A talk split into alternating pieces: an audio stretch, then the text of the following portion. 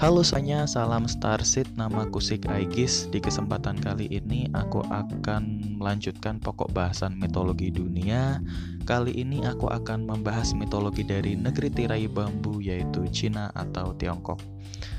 Nah sebenarnya mitologi Cina atau Tiongkok sendiri didasarkan pada dua cosmic being atau dua sosok agung bernama Dewa Fuxi dan juga Dewi Nua di mana Dewa Fuxi dan Dewi Nua ini adalah sepasang kekasih yang akhirnya menjadi founding father dan juga founding mother untuk mitologi Cina atau Tiongkok sendiri.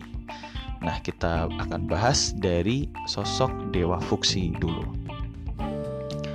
Fuxi atau Pauxi atau dikenal juga dengan sebutan Tai Hao atau orang sekarang menyebutnya Tian Shui adalah Maharaja suku Huaxia, salah satu dari tiga Maharaja.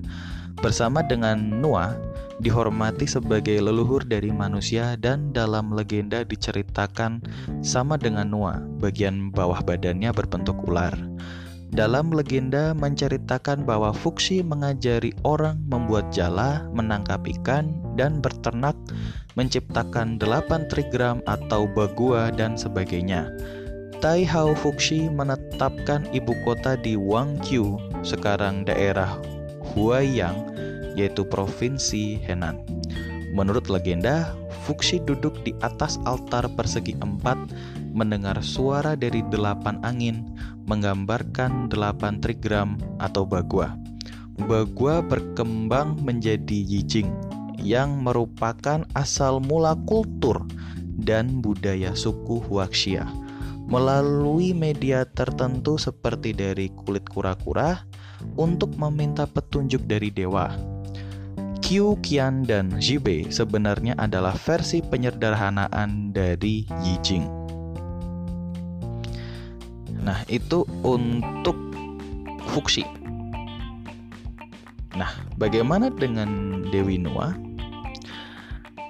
Nua atau disebut juga sebagai Dewi Nua yang bermarga Feng lahir di Chengji. Diceritakan bernama Feng Lixi, salah satu dari tiga maharaja atau Sang Huang dari suku Tionghoa dan merupakan leluhur dari manusia yang dalam legenda manusia adalah keturunan dari dia dan kakaknya Fuxi. Jadi Fuxi ini sebenarnya kakak sekaligus suami ya.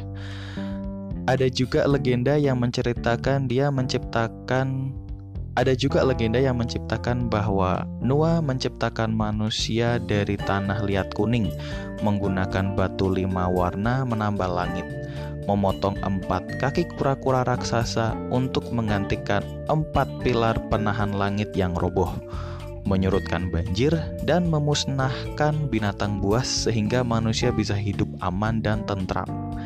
Menurut legenda, Bentuk Noah adalah berkepala manusia berbadan ular dan memiliki kemampuan menciptakan manusia.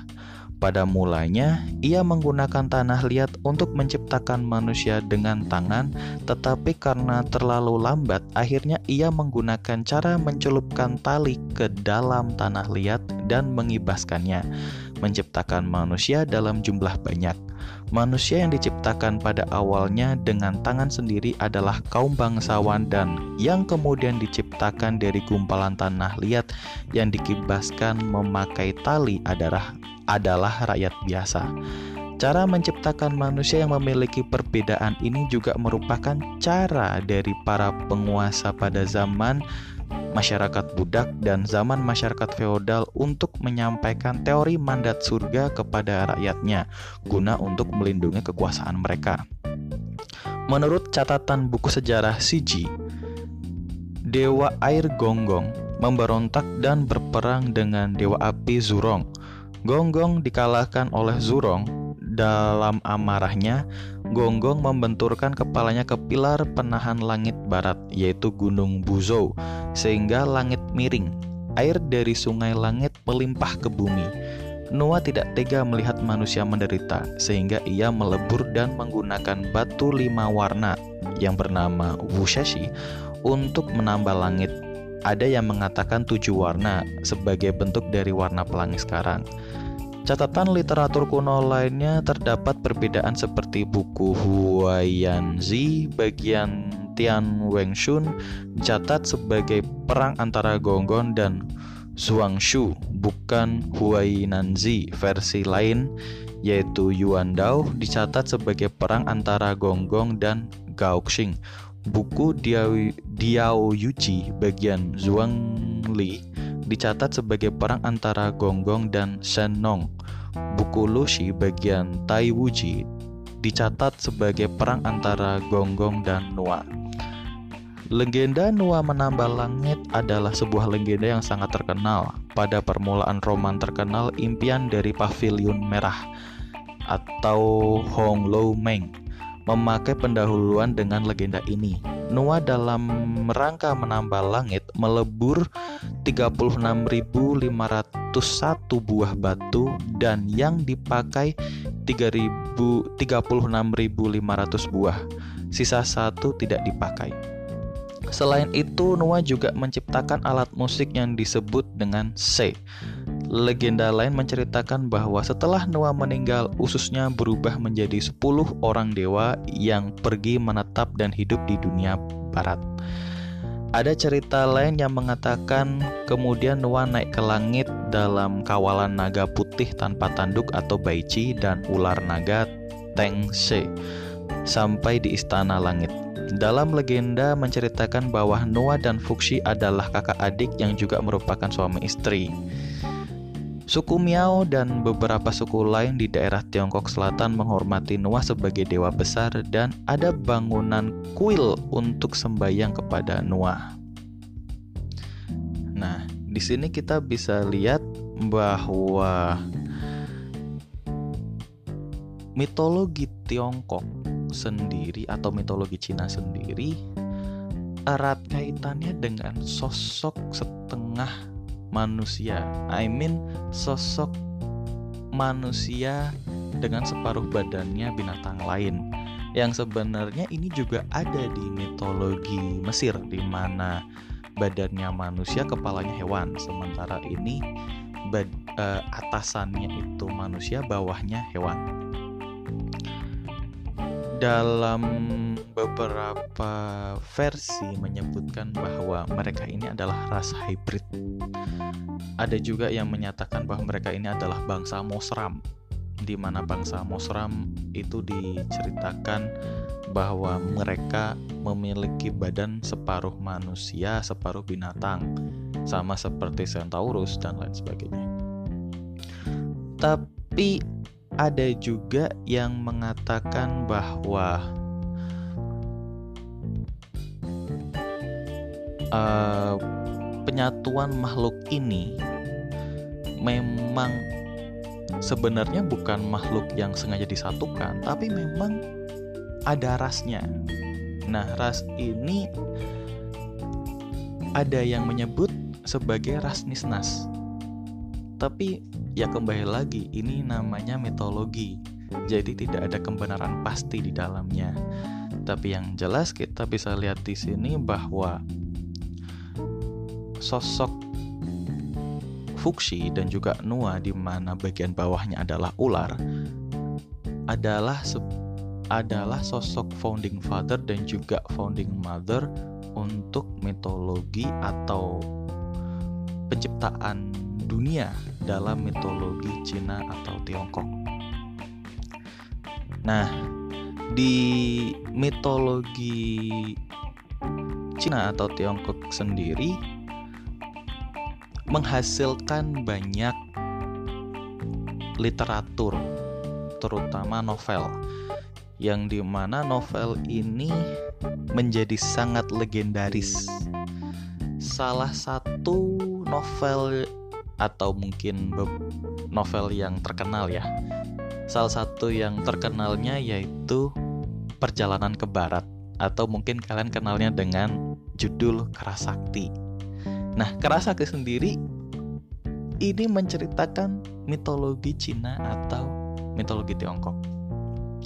Yang di mana kalian mungkin hafal dengan sosok siluman Kerasakti yang sebenarnya itu adalah dewa Sun Wukong. Kemudian ada dewa bumi yang sering dipanggil sama Sun Wukong ketika dia butuh bantuan dan masih banyak dewa lagi di cerita perjalanan ke barat itu. Lalu ada juga dalam penciptaan mitologi Tiongkok atau Cina sendiri tadi menyebutkan ketika mendeskripsikan dewa Noah menyebutkan pavilion merah. Sebenarnya pavilion merah ini salah satu judul dalam novel legendaris yang terinspirasi dari asal mula penciptaan mitologi Cina. Kemudian ada novel lain yang juga terkenal yaitu bernama Batas Air. Nah, mungkin bagi penggemar game RPG kalian gak akan asing dengan nama Suikoden. Ya, Suikoden itu adalah atau bahasa lainnya adalah batas air dalam bahasa Indonesia. Jadi Suikoden dalam bahasa Indonesia adalah batas air atau dalam bahasa Inggris disebutnya water margin. Adalah salah satu novel terkenal yang terinspirasi atau novel ini mem novel ini mempunyai inspirasi dari mitologi Tiongkok atau mitologi Cina. Sehingga Eh, kisah-kisah uh, dalam batas air sendiri juga memuat kisah-kisah dalam mitologi Cina atau Tiongkok sendiri. Kemudian kalau kalian penggemar dari game Dynasty Warrior, kalian mungkin tidak akan atau mungkin kalian tidak akan asing dengan kisah dari tiga negara. Nah, kisah dari tiga negara yang di mana ceritanya bisa kalian nikmati di game Dynasty Warrior adalah salah satu novel yang juga terinspirasi dari atau salah satu novel yang juga uh, berlandaskan atau berdasarkan mitologi Cina atau Tiongkok. Jadi banyak karya-karya novel legendaris yang berasal dari mitologi Cina atau Tiongkok sendiri Tadi ada kisah tiga negara yang bisa kalian mainkan di Dynasty Warrior. Kemudian ada batas air atau Suikoden yang mungkin gamenya bisa kalian mainkan juga. Kemudian ada perjalanan ke barat ya mungkin kalian familiar dengan cerita Kerasakti atau Dragon Ball di mana cerita Dragon Ball sendiri juga mengambil latarnya sama seperti Kerasakti atau perjalanan ke barat. Kemudian Pavilion Merah yang memang secara serta-merta berkaitan dengan proses penciptaan mitologi Cina atau Tiongkok sendiri. Nah, itulah proses penciptaan atau bisa dibilang asal mula dari mitologi Cina atau Tiongkok sendiri. Sekian podcastku kali ini. Sampai jumpa di podcast-podcastku selanjutnya. Bye bye.